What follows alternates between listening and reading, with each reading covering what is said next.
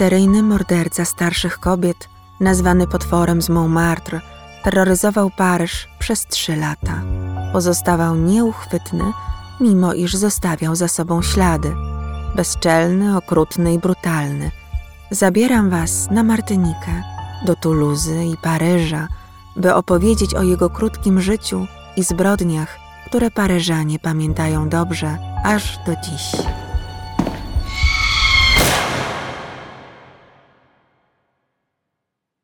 Osiemnasta dzielnica Paryża jest miejscem pełnym przeciwieństw.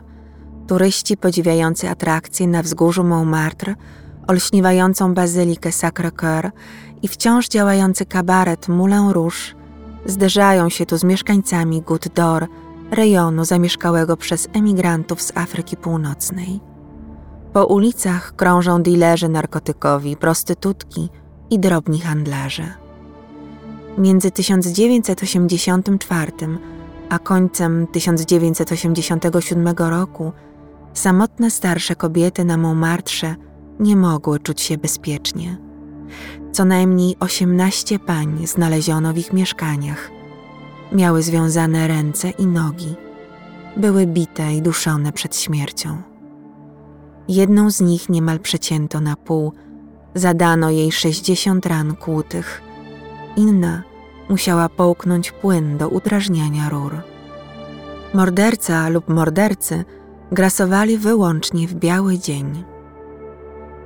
5 października 1984 roku 91-letnia Germaine Petitot zamieszkała przy Rue u podnóża wzgórza Montmartre, została zaatakowana we własnym domu.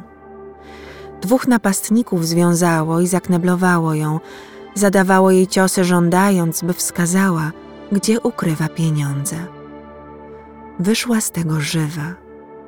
Przeżyła, ale była zbyt przerażona, by podać dokładny rysopis sprawców.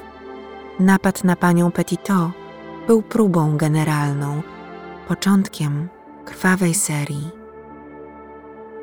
Tego samego dnia, późnym rankiem, Anna Barbier-Pontu, lat 83, wróciła do siebie z zakupami.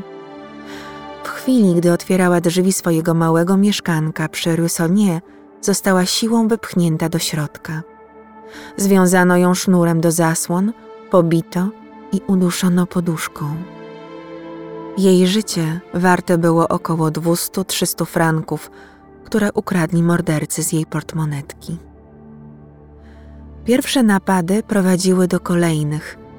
Przeżyła tylko pierwsza i ostatnia ofiara. Zanim Wam o tym wszystkim opowiem, czas na przedstawienie pewnego młodego człowieka urodzonego na Karaibach. Thierry Paulin urodził się 28 listopada 1963 roku w Fort-de-France, w stolicy Martyniki, na karaibskiej wyspie stanowiącej zamorskie terytorium Francji. Jego mama, Rose Hélène Larcher, miała zaledwie 17 lat w chwili porodu. Dwa dni po urodzinach dziecka jego ojciec, Gabi Paulin, uciekł do Francji, porzucając młodziutką matkę i syna i nie zabezpieczając ich w żaden sposób finansowo. Roselen, zwana przez przyjaciół Monet, niezbyt dobrze radziła sobie w roli matki. Osiemnastomiesięczny chłopiec został przekazany jej teściowej, z którą zamieszkał do dziesiątego roku życia. Babcia Thierry'ego prowadziła restaurację Maman Jojo w Lons Alan nad Zatoką Fort-de-France, cudownym miejscu na Karaibach z rajską plażą. Miała niewiele czasu dla dorastającego wnuka. Chłopiec najwcześniejsze, ale także kolejne lata spędził w przekonaniu, że jest kulą u nogi dla jego opiekunów, swoją drogą najbliższych mu osób. Dopiero w wieku dziesięciu lat zamieszkał na stałe z matką, już mężatką, ojczymem i przyrodnimi siostrami. Nie wiemy, jak zachowywał się u babci. W każdym razie po przeprowadzce okazywał agresję i był konfliktowy w kontaktach z innymi dziećmi. W wieku 12 lat zagroził nauczycielowi w szkole kuchennym nożem, bo zbyt często go karał.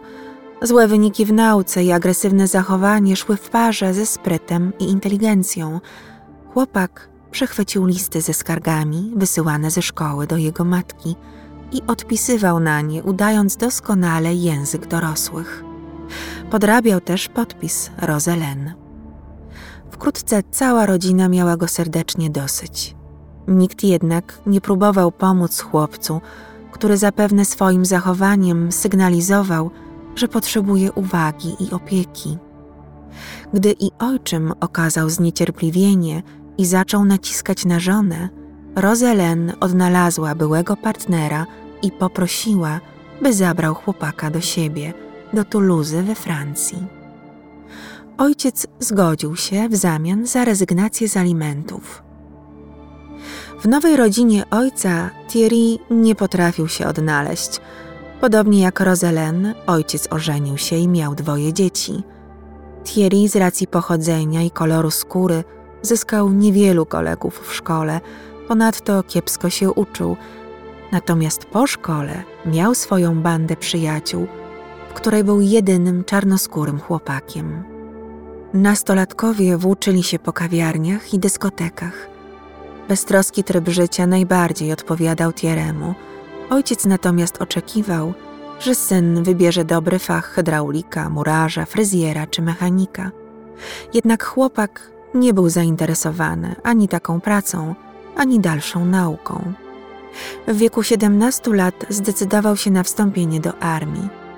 Przyjęto go do wojsk desantowych, gdzie został przydzielony do salonu fryzjerskiego. Z racji koloru skóry i homoseksualnej orientacji nie miał lekko w jednostce.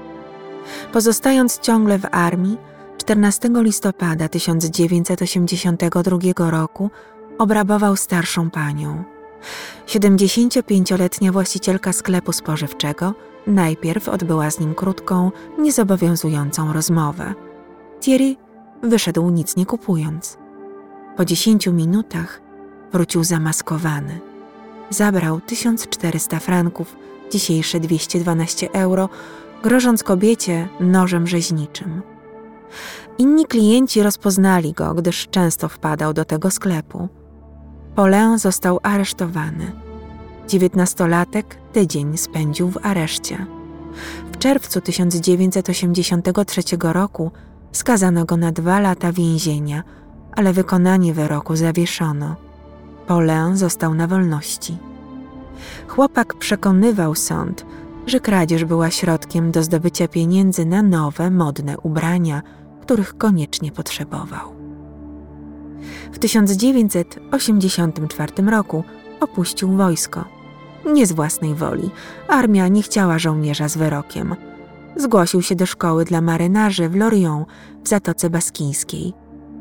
Został stamtąd wydalony, jednakże dzięki odbytej edukacji został przyjęty do bazy lotnictwa morskiego w Toussaint-le-Noble, gdzie przekierowano go do koszenia trawników.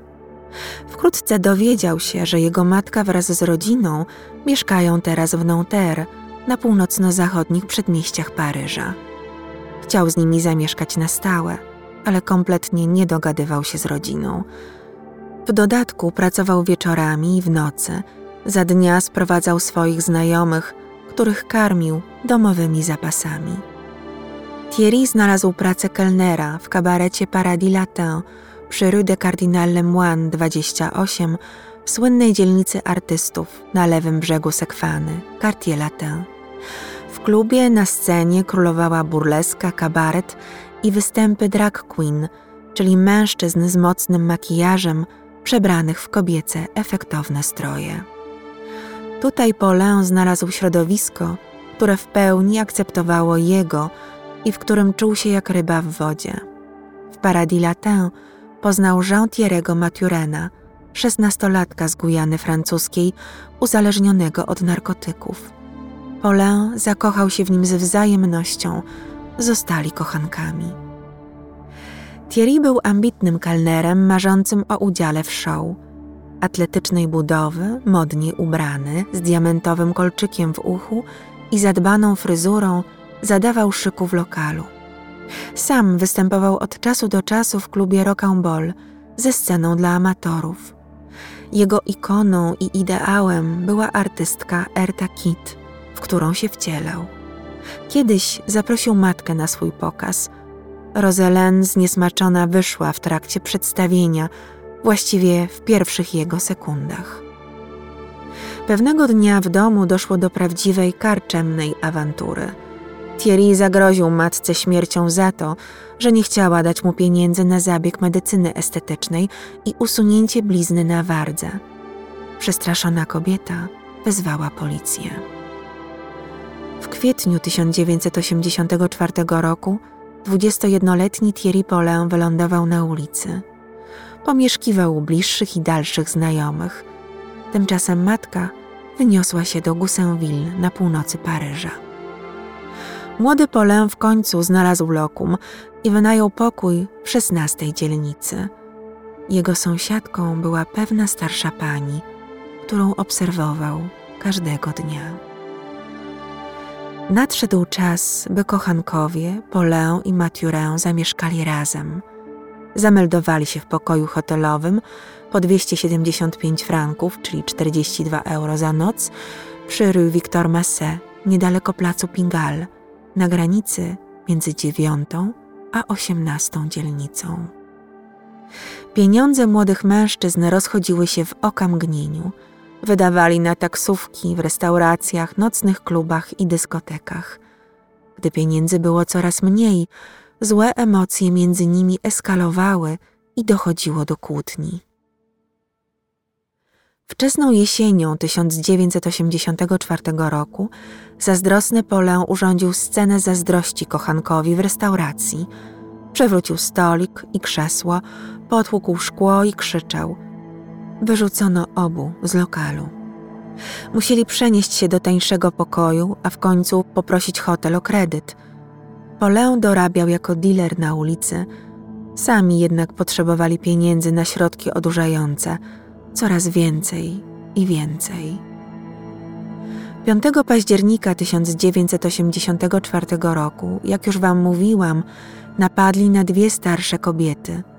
Jedną z nich zabili. W październiku i listopadzie 1984 roku osiem innych starszych kobiet zostało zamordowanych, głównie w 18 dzielnicy Paryża. Sprawa stała się polityczna. Opinia publiczna żądała od władz podjęcia działań w celu jak najszybszego ujęcia sprawcy czy też sprawców. Ludzie wyszli na ulicę z transparentami. Wystarczy już kradzieży i napaści. Ściągnięto do dzielnicy dodatkowe siły porządkowe. Cała sytuacja nie wpłynęła na sprawców, jedynie wzmocniła presję wywieraną na śledczych. Dziennik Le Parisien opublikował portret pamięciowy mordercy, nietrafiony i oparty na mętnych zeznaniach domniemanego świadka. Policja aresztowała nawet jednego mężczyznę, który pasował do wizerunku, ale oczywiście uwolniono go, a komisarz osobiście przeprosił za zaistniałą, przykrą sytuację. Morderca budził przerażenie swoim modus operandi – Niektóre z ofiar miały głowy uwięzione w plastikowych torbach, inne zostały pobite na śmierć. We wszystkich przypadkach motywem był rabunek. Za każdym razem złodziej zabierał niewielką kwotę pieniędzy, bo tylko tyle miały przy sobie napadnięte paryżanki. Starsze panie zaczęły chodzić do sklepów razem, w grupach, czasami towarzyszyła im policja – nawet stragany na placu Pigal opustoszały, choć panie lubiły tam przychodzić i poplotkować każdego wieczora. Policja zebrała 150 tysięcy odbitek palców, ale nie doprowadziły do zidentyfikowania kogokolwiek. W tamtych czasach identyfikacja kryminalistyczna była prawdziwie żmudną pracą, akta nie były jeszcze zdigitalizowane. Tymczasem Paulin i Mathurin prowadzili ekstrawagancki styl życia, spędzając noc w klubach, pijąc szampana i zażywając środki odurzające. Brylowali w najmodniejszych lokalach Paryża. Do czasu. Pod koniec listopada zbrodnie ustały. Paulin i jego kochanek wybrali się do Toulouse na kilka miesięcy, do ojca Thierry'ego Starszy pan Paulin nie zaakceptował Maturena. Doszło do rękoczynów. Ostatecznie para się rozstała. Mathurin wrócił do Paryża, Poleon spróbował sam otworzyć firmę zatrudniającą artystów transwestytów. Bez powodzenia. Jesienią 1985 roku wrócił do stolicy.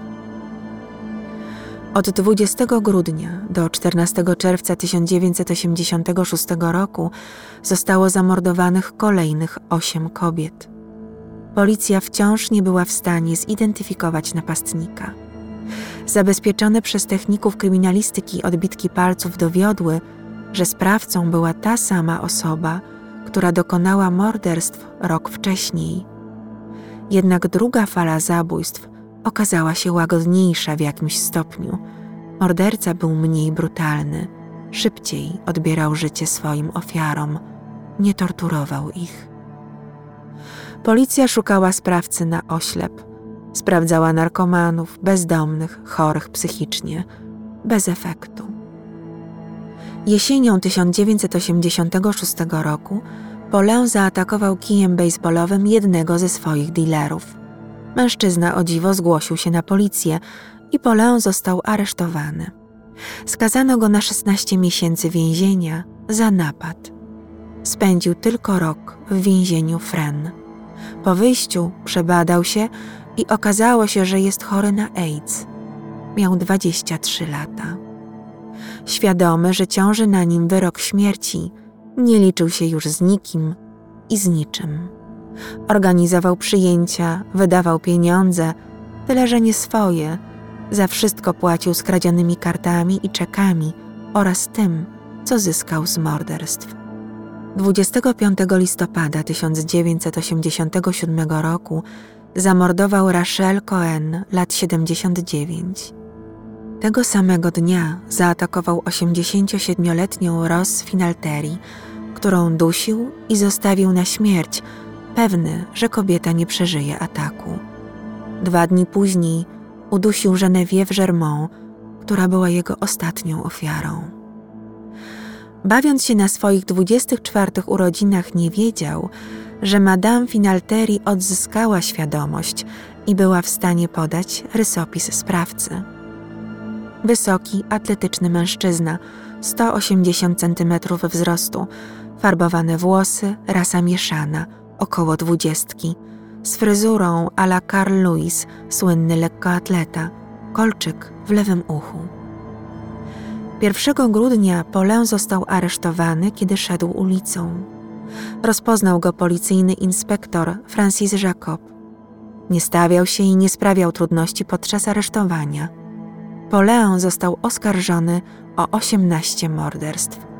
Przyznał się do 21. Opowiadał beznamiętnie, bez emocji. Opisał ze szczegółami, jak wybierał potencjalną ofiarę, śledził ją do domu. Dwaj mężczyźni wpychali ją do mieszkania, bili i znęcali się, dopóki nie wyznała, gdzie schowała pieniądze i biżuterię. Za każdym razem uważali, by dobić ofiarę, by nie stała się świadkiem zdarzenia. Jeden z policjantów, świadków wyznania, powiedział później, że jego słowa brzmiały, jakby mówił, że idzie kupić paczkę papierosów. W trakcie przesłuchania jeden ze śledczych pokazał mu przed twarzą pojemnik z żelem desktop, czyli naszym kretem. Wtedy przestraszony ujawnił wspólnika. To nie ja, to Jean Thierry. Policja domyślała się, że miał jeszcze jednego pomocnika podczas drugiej serii zabójstw, ale nigdy go nie ujawnił. Być może kiedyś doprowadzą do jego osoby odbitki palców zachowane w policyjnych archiwach. Prasa szalała. Dziennikarze okrzyknęli go przydomkami. Potwór z Montmartre, ponury żniwiarz z Paryża, bestia z Montmartre, morderca starszych pań. Thierry Paulin trafił do więzienia, gdzie miał oczekiwać na proces. Osadzono go we Fresnes, drugim co do wielkości więzieniu we Francji, słynącym z buntów, zlokalizowanym ponad 11 km na południe od centrum Paryża. Thierry rozchorował się na początku 1988 roku.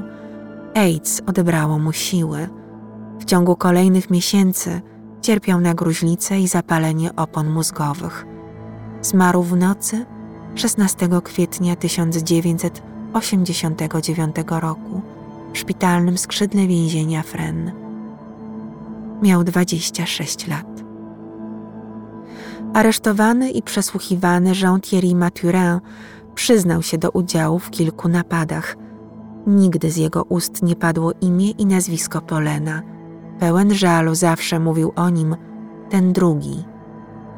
Został skazany za siedem morderstw i jedno usiłowanie morderstwa. Dostał dożywocie z możliwością przedterminowego zwolnienia po 18 latach.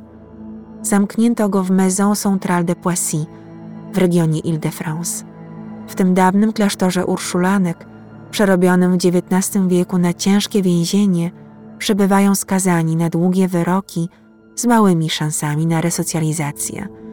Jest to jedno z sześciu więzień typu Maison Centrale we Francji o najwyższym poziomie zabezpieczeń. Tam trafiają między innymi terroryści i seryjni mordercy. W styczniu 2009 roku Jean-Thierry Mathurin wyszedł na wolność. Paulin nie zdążył zostać osądzony za swoje zbrodnie. Wszystko wskazuje na to, że dostałby również karę dożywocia z możliwością opuszczenia więziennych murów po 22 latach odsiadki. W 1994 roku miał premierę film Je pas sommeil, Nie mogę zasnąć, w reżyserii Claire Denis, którego scenariusz powstał w oparciu o historię Polena. Filmu nie widziałam, ale też podobno nie wart jest oglądania.